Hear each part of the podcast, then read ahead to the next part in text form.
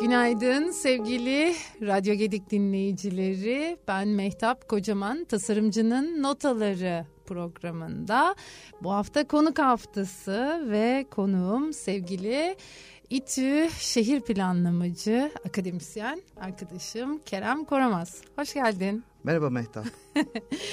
evet, e, bugün kentlerin e, meydana gelmelerinden, kent deneyimlerinin e, üniversite platformlarında, stüdyoda e, nasıl ele alındığına Kerem'in kendi tecrübeleri üzerinden e, dinleyeceğiz. E, bu ara aslında çokça konuştuğumuz bir konu bu. E, birazcık da işte e, kentin yeniden planlanması mümkün mü diye. Ee, ben hani bu soruyla başlamak istiyorum e, Kerem. Yani hı hı. bu konunun içerisinde yıllardır e, emek veren, yazan ve araştıran birisi olarak sen bunu nasıl yorumluyorsun? Ee, doğru. E, şey plancısı olarak ilk sorulacak soru bu oluyor herhangi bir konuşmada. Evet. Ee, çünkü kentlerimizin e, kuvvetli bir geçmişi var ve e, ilgili yapılı çevreyle ilgili tüm disiplinler için e, bu soru en önemli yere oturuyor. E, geçmişinden bugüne e, kendi kendine gelişen ve e, tarihi referanslarıyla e, önemli izler üzerine inşa edilen kentlerin yanında evet. yeni yerleşmelerde inşa ediyoruz. Ve bu her zaman e, özellikle e, endüstrileşme sonrasında hı hı. ve modernleşme sonrasındaki en önemli pratiklerden biri oldu. Ve e, bu noktada da kentin altyapısını daha düzenli, sağlık koşullarına yanıt veren nitelikte ve e, nitelikli barınma alanları sağlama amacına yönelik, inşa etme gayretine yönelik pratikler yaygınlaşmıştır. Hı hı. Bugün itibariyle de buna yine konuşuyor oluyoruz tabii ki. E, ve yine disiplinimiz açısından e, mimarlardan ayrı düşünülmeyecek şekilde aynı hedef doğrultusunda nitelikli yaşam ve barınma alanlarını e, altyapısıyla, kentsel hizmetleriyle hı hı. bir arada kurma gayretini görüyoruz. Ancak bu gayret her zaman doğru ve olumlu sonuçlar ortaya koyamayabiliyor. Hı hı. E, yatakhane kentler eleştirisine dönüşebiliyor.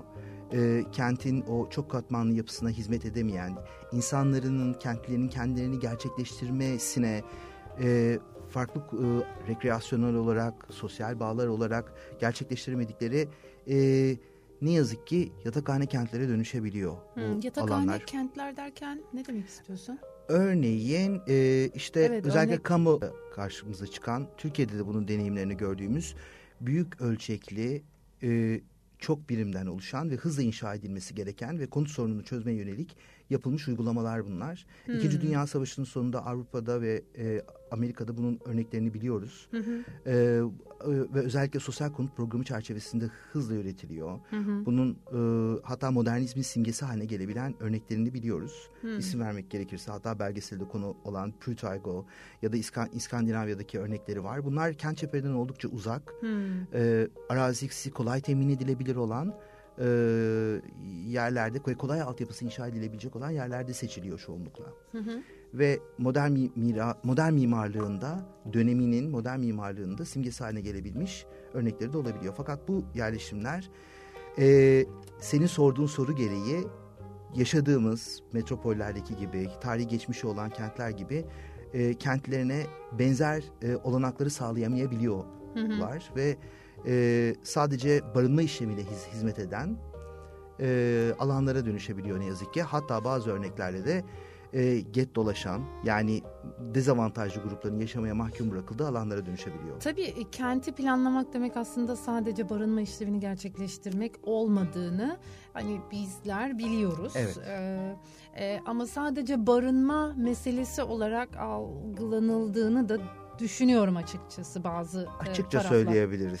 söyleyebiliriz ülkemiz değil mi? Kesinlikle ülkemiz deneyiminde de var. E, Türkiye'deki konut aktörlerinde de e, benzer bir eğilimi görüyoruz. Ve işin açıkçası bunu sadece dezavantajlı gruplar ya da dar gelirler için üretilen konut programlarında hı hı. görebildiğimiz gibi ne yazık ki ne yazık ki yüksek gelir grubunun da e, hı hı. cazibesini kazanabiliyor ne yazık ki.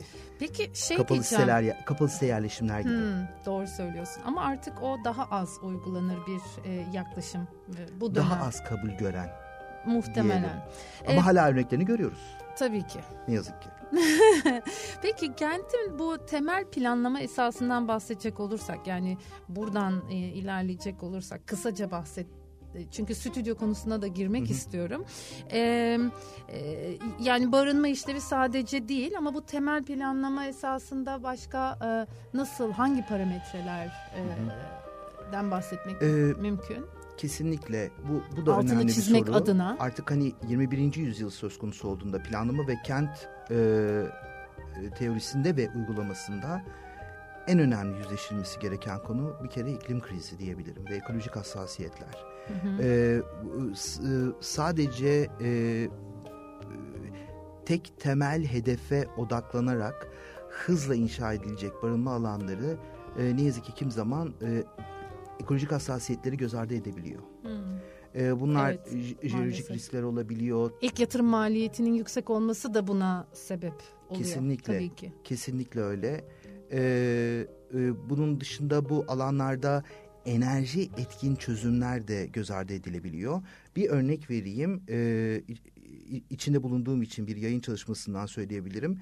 Ee, örneğin e, Avrupa'daki sosyal konut için üretilen e, e, alanlar ne yazık ki günümüzde enerji etkinliği konusunda çok zayıf vaziyette ve bizdeki gibi kuvvetli bir yenileşme hareketi de olmadığı için bu alanların sürdürülebilir e, ekolojik sistemlere olan duyarlılığı çok zayıf hale geliyor. Yüksek enerji maliyetleri, kullanım maliyetleri oluşabiliyor enerjide, suda. Hı hı. Ee, hani bunlara duyarlı e, çözümleri üretmek zorundayız. Bence en önemli parametre hı hı. hani tüm yapılı çevreyle ilgilenen tüm disiplinler için hı hı. olduğunu düşünüyorum. Bu kanaatteyim. Ee, en önemli e, parametre burada ekoloji demeliyim. Hı hı. Ve ekoloji içindeki bütün e, alanlar. İkinci en önemli parametre de toplumsal kırılganlıklara duyarlı olmak. Yani yalnızca hmm. belli e, odak gruplara, belli gruplara e, gayrimenkul değeri itibariyle bunu satın alma gücüne e, sahip belli gruplara değil, e, kentin ve toplumun tüm gruplarına hizmet edebilecek çeşitliliğe ve karşılanabilirliğe sahip e, farklı toplumsal grupların ve hane halkı profillerine yanıt verecek çeşitlilikte üretilmesi gerekir. Hani tabii ki daha çok şey sıralanabilir ama en kritik günümüzdeki sorunun bu iki parametrede değerli hale geldiğini düşünüyorum. Evet ben de kendime not almışım zaten bu ekolojik hassasiyetten bahsetmekten ve hani bu toplumsal hassasiyeti e, nasıl karşılığını gösterebiliriz e, ya da verebiliriz e, diye. E, peki yani şeyciler olarak e, plancılar olarak tasarımcılar olarak diyeyim çünkü öyle bir ayrıma da girmek çok istemiyorum. Bu karşılığı verebilmek için bunun üretim yolları e, nasıl mümkün? Evet. Bir kere e, ya tabii o noktada toplumsalcı e, modeller üretmek. Yani yalnızca e, sadece piyasa aktörlerine mahkum bırakılmaması hmm, lazım. Okay.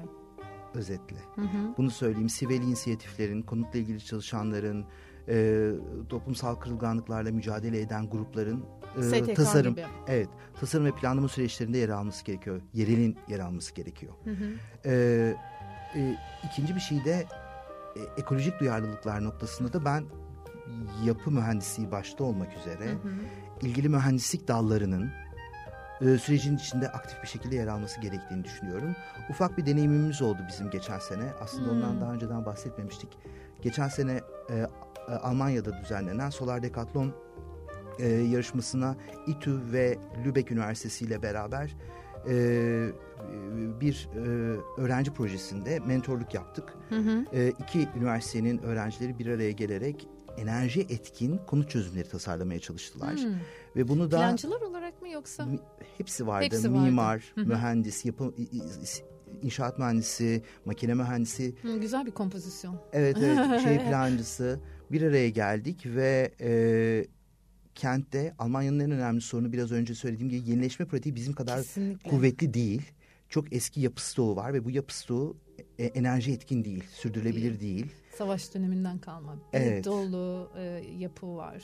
E, bizim için asla ta, düşünülemeyecek densification yani yoğunlaştırma hmm. e, politikasını yaygın olarak işletmeye çalışıyorlar ve o e, bizde Ataköy blokları diyebileceğimiz hı hı, e, dönemden kalan blokları yoğunlaştırma yani tabiri caizse Türkiye'deki Aha. yaygın ağızda e, çekme kat vari çözümle ama tabii ki mimari ve mühendislik bilgisini kullanarak e, enerji etkin ve sürdürülebilir konutlar inşa edilebilir mi?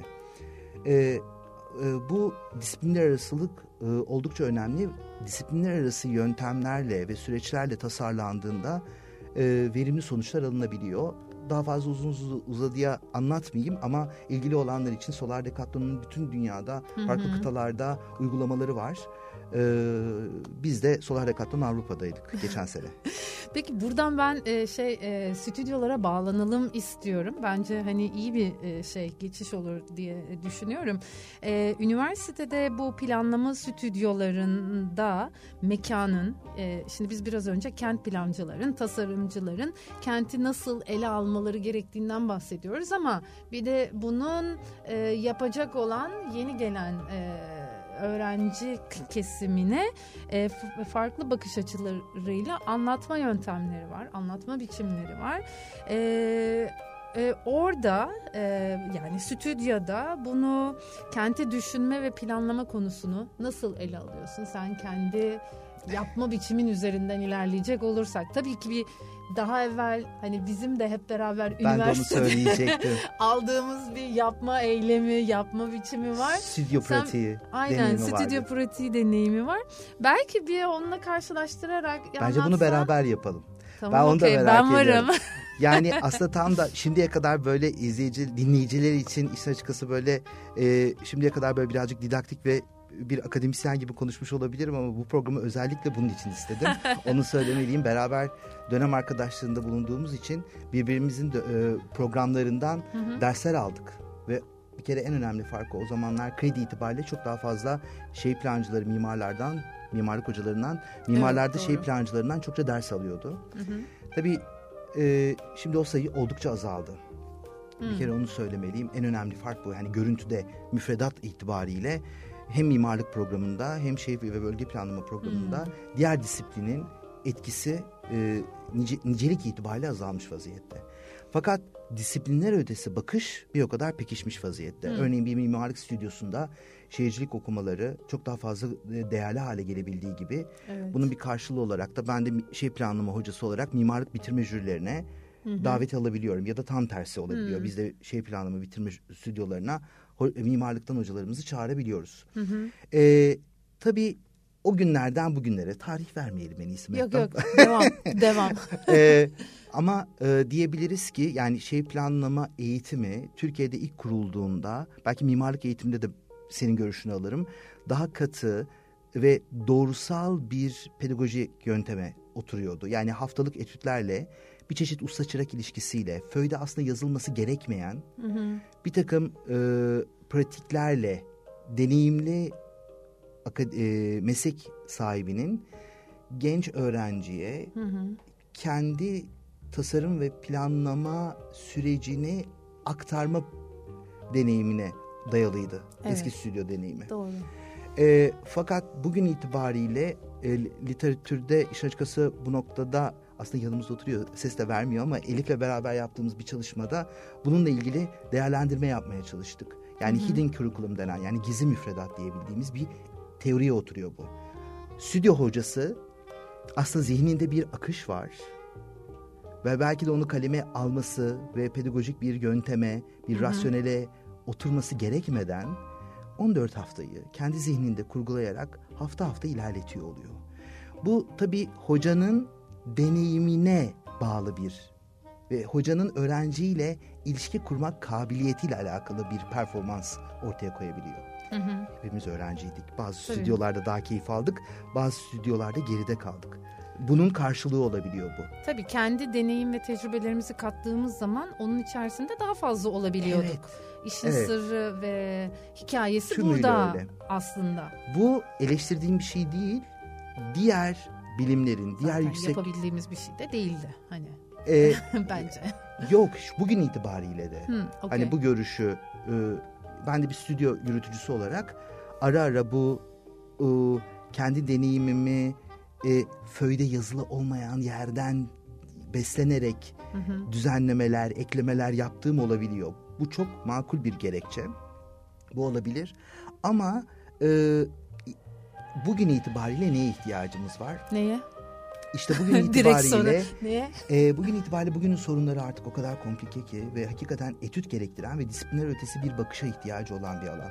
Örneğin şimdiye kadar yaptığımız konuşma çerçevesinde sadece bizzat kendimin deneyimi öğrenciye bu okumayı, bu düşünmeyi vermede yetemeyebilir. Hmm. O yüzden de o esnada o stüdyoda başka disiplinin bakışına, başka disiplinin varlığına ihtiyaç olabilir. İşte o noktada hoca öğrenci ikili ilişkisini birazcık zedelemek gerekiyor. Öğrencinin başka kaynaklardan da besleneceği alanlara ışık tutmak gerekiyor. Hmm, mesela? Örneğin inşaat.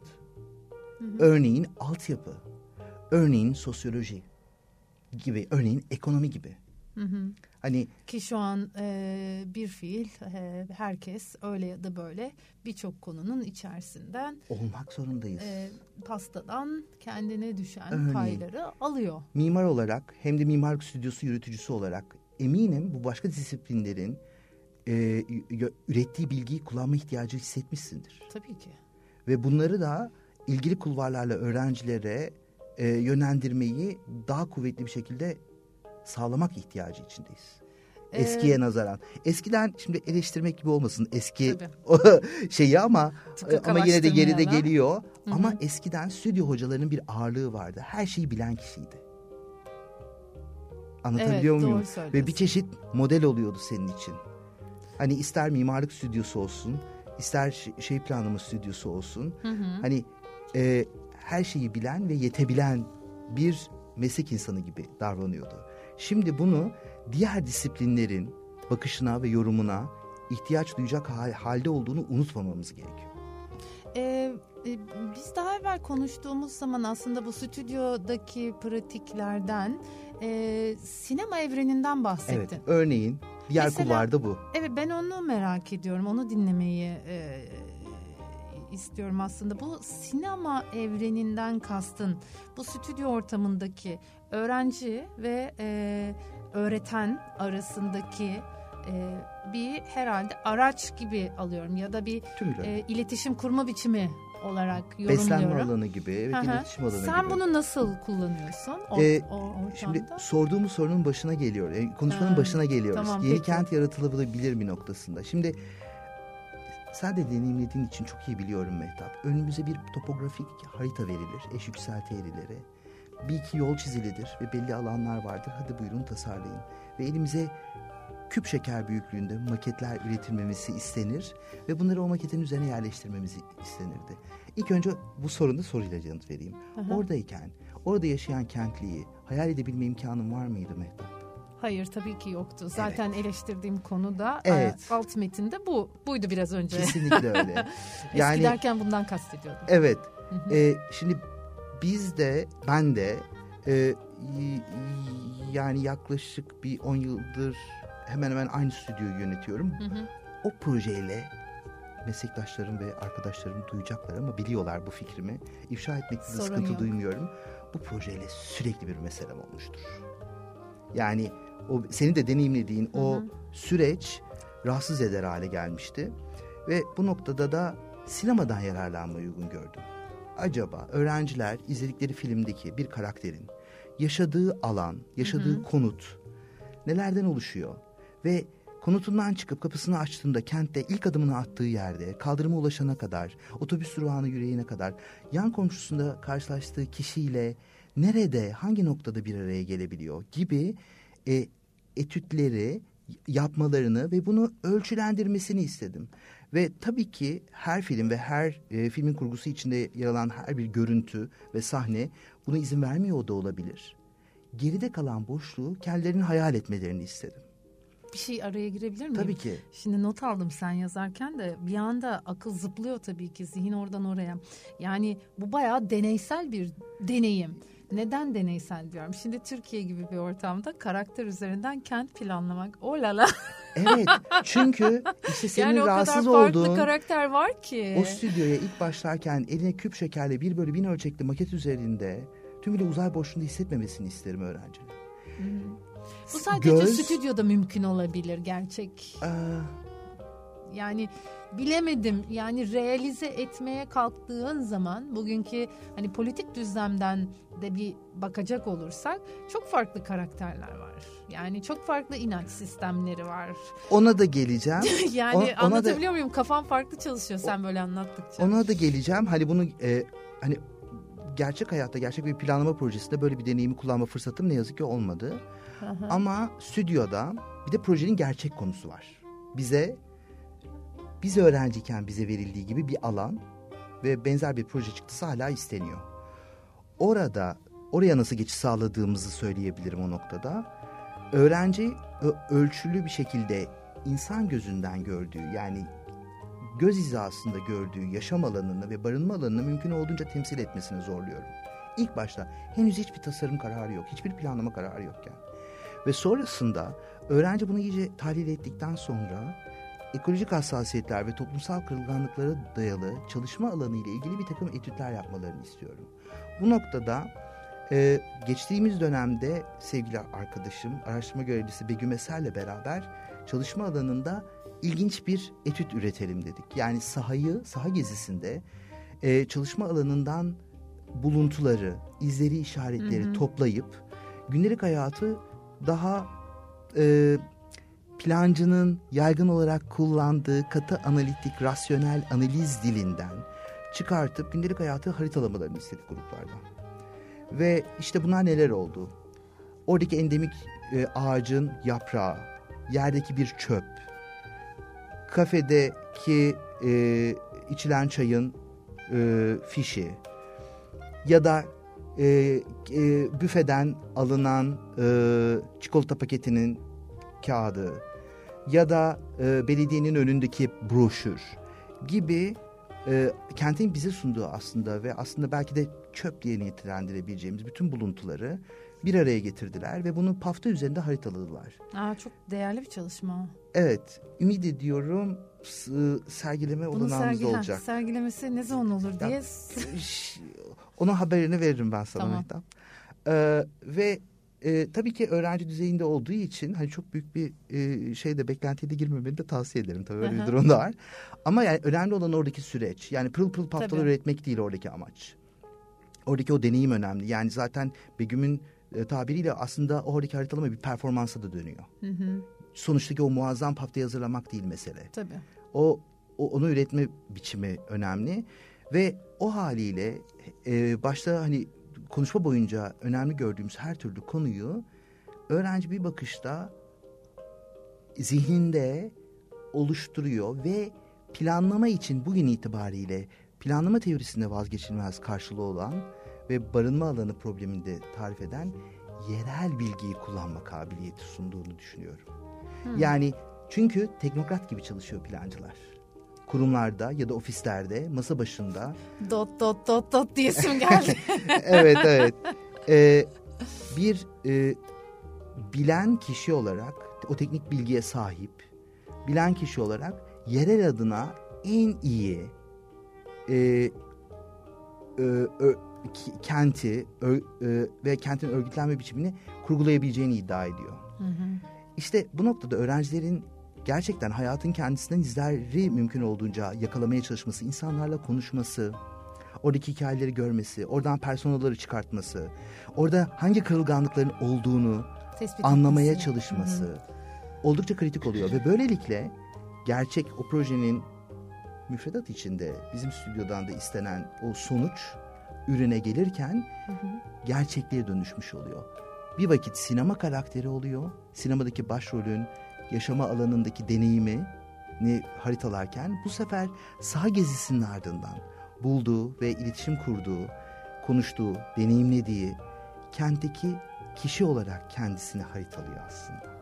Hmm. Böyle bir geçişi oluyor. background'u yani o subconscious ay, um, tasarımcının kendisinin de içinde olduğu bir süreç oluyor aslında. E, evet bilinç altında aslında ona söylenen şey yani bilinç altından gelen bilgiler üzerinden o derlemeyi, o toplamayı sağladığı için kesinlikle kendi deneyimi, kendi tecrübesi. Kesinlikle öyle. Yani masa başındaki hı hı. ya da e, katı mesai saatlerinde kendisini hisseden analizleri yapan teknik adam gibi değil. Hı hı. Sahayı ve yereli bilen bir plancı olarak çalışıyor. Tabii belli bir bilgi doğrultusunda. Ee, tabii ki de, bu değişik, önemli. Tabii enteresan enteresan e, şey yaklaşım. Ee, kendime böyle şey not almışım bir yandan da hani bunu konuşmadan geçmeyelim diye. Aslında plancıya baktığımız zaman e, plancılara e, çalıştıkları ölçek büyük. Yani bir bölü beş binler hatta 25 binler 50 binler yani daha üst ölçeklerde. Ee, e, mimar ra baktığımız zaman 500'lerde, 100'lerde, 50'lerde aslında bir ölçek farklılıkları ile çalışma alanı e, oluşuyor, geliştiriliyor bütün e, tasarımlar. E, burada e, ölçekler arasında plancının yeri e, tam olarak bu senin söylediğin üzerinde aslında hiçbir ölçek e, olamayabiliyor. Evet, ölçek mevzusu görünüyor. ölçek mevzusu bence plancı olarak kırmamız gereken en önemli şey. Değil mi? Yani böyle üst ölçekten başlayıp aşağıya doğru inen bir pratiğimiz var ve bir tecrübemiz var.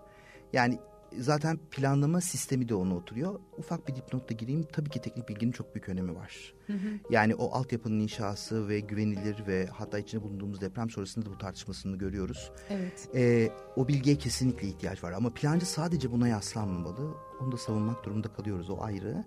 Ama bir o kadar da dediğim gibi yani karakter üzerinden gidince ya da kentlinin kendisi üzerinden gidince ya da plancı olan kişi sahada planlamaya çalıştığı yerde kendi göz hizasından neyi gördüğü ve onu nasıl ölçeklendireceğiyle başlaması gerektiğini düşünüyorum. Yani yoksa e, tabii ki üst ölçekli planlara uyum gerekiyor ama alttan yani ilk önce kentlinin ilk kendi yaşam biriminden, odasından, konutundan e, ve hemen komşusun komşusundaki diğer yapıyla olan mesafesiyle onu kurgulamamız gerekiyor.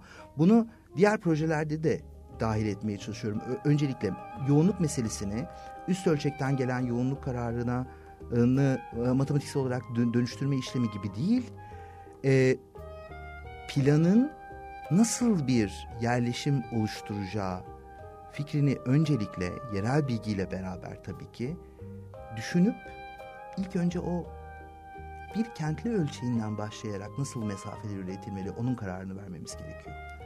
Ee, senin anlattığından ben şöyle bir çıkarım yaptım. Yani teknik bilgiden bağımsız tutarak bir ölçeksizlikten bahsetmek mümkün. Ölçek, alt ölçeğe de duyarlı ilk kararları vermek gerekiyor demek istiyorum. Hı hı. Yani üst ölçekte sadece bir numerik bir rakam gibi görmemek gerekiyor. Hı hı. Bu yalnızca bir e, niceliksel bir sorun değil. İşte o yüzden ölçeksizlik dedim. Evet, yani eğer öyleyse teknik evet. bilgi girdiği zaman ölçek kavramı yani işte bir bölü 50 çizmeye girdiğin zaman teknik bilgi gerektiriyor ya. Tabii tabii. E, o zaman teknik bilgi olduğu zaman sınıflandırma başlıyor. Standartlar ee, devreye giriyor. Standartlar devreye girdiği için aynen e, e, çok doğru bir yorum. E, ölçeksizlikten bahsediyorsak aslında teknik bilgiden izole ederek konuyu daha toplumsal, daha sosyolojik, daha bireye de indirgenebilen, e, bireyin de deneyimine evet. izin veren, onun e, o, onu ona duyarlı. Bu bağlamda buna kullanıcı katılımlı da diyebilir evet, miyiz? Tabii ki. Kerem? Yöntemlerden biri bu olabilir. Ee, bununla Hı-hı. ilgili hem mimarlıkta hem planlamada tabii ki yöntemler var. Ee, senin de aşina olduğunu çok iyi biliyorum. Ee, e, yani e, katılımcı süreçler işte de çok kritik hal alıyor. Evet bu da doğru. Şimdi ben de burada bilen kişi olarak öğrencilerle sahaya çıktığımda kendi deneyimlerini aktarmalarını istiyor oluyorum ama belki de o beraber deneyimlediğin kişilerin de aslında o tasarım sürecine dahil etmekte en kritik ve en kolay yolu aslında. Bu arada programın sonuna geldik. Öyle mi? Evet. Peki. Bize verilen ayrılan süreyi tamamladık. Ee, e, tam kapatmadan programı bir şey sormak istiyorum. Her konuğuma sorduğum gibi sürpriz sorum. Tasarım senin için ne demek? Ay bilseydim çalışırdım. Halbuki biliyorum. Halbuki biliyorum bunu herkese sorduğunu. Ama e, bu, bunu atlamışım. İlk aklına gelen. Tasarım gerçekleştirme demek. Bu bu kadar hayat hayata geçirme demek. Evet. teşekkür ediyorum katıldığın için Kerem. Ee, dinleyici konuğum olarak Elif sen de burada olduğun için çok teşekkür ediyorum.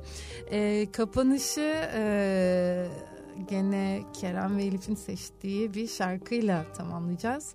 YouTube'dan kapatacağız galiba değil mi? Evet. Neden biz bu şarkıyı seçtik? Birazcık... E, aslında şöyle kişisel Hangi bir şey de var. olduğunu bir süredir mi? ihmal ettiğimizi fark, fark ettiğimiz Hı-hı. ve niyeyse bugünler için uygun olabileceğini düşündüğümüz bir şarkı. Peki.